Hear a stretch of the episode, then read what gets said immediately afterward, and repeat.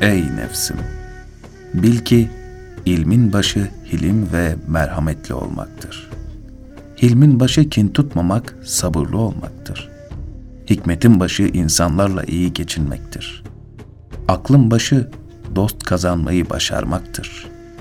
Güzel huy insanı saadete kavuşturur.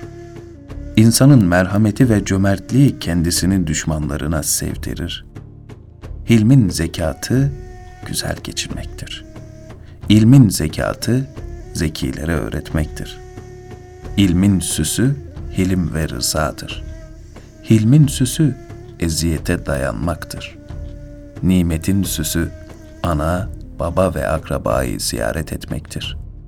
Sevilmenin sebebi cömertliktir. Dostluğun sebebi vefalı olmaktır. Ayrılışların sebebi uyuşmamazlıktır. Fakirliğin sebebi israftır. Yumuşak söz, selam verme büyükler için sünnettir. Senden razı olana teşekkür etmen onun rızasını ve cömertliğini arttırır. Sana dargın olana iyi davranman barışı ve sevgiyi sağlar.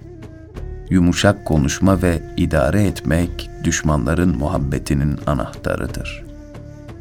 Gönül rahatlığı en güzel süstür. Zevk ve safa arkadaşlığı bela getiricidir. Dostluk, bolluğun süsü, belanın gidericisidir. Güzel huy ve cömertlik, zenginlik ve bolluğun sebebidir. Çok selam ve tatlı dil herkesçe sevilmeyi sağlar. Hilim ve cömertlik, yumuşak kalpli ve geçimli, musibete karşı sevinçli, şiddete karşı sabırlı, sarsıntı anlarında vakarlı olmak velilerin adetidir. Malınla cömert, sırrınla cimri ol ki, mal veren celil, namusunu veren zelil olur.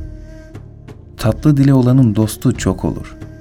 Seni öven bil ki sana iyilik etmiyor. Kusurlarını söyleyen bil ki sana nasihat ediyor. Sözü tatlı olanın sevilmesi lazımdır. Kararını belli eden olgun değildir. Allah'tan başkasından yardım isteyen yardımdan mahrum olur.'' İnsanlara eziyet vermeyenin düşmanı olmaz. Senin hakkında hüsnü zan edenin zannı gibi ol. İyilikle ıslah olmayan, bil ki kötü karşılıkla ıslah olur. Ahlakı iyi olanın rızkı bol, kadir ve kıymeti yüksek olur. Kırbacından korkan ölmeni ister. Met ile kötülükten vazgeçmeyeni belki yerme terk ettirir.'' Çünkü kusurlarının halkın diline düşeceğinden korkar.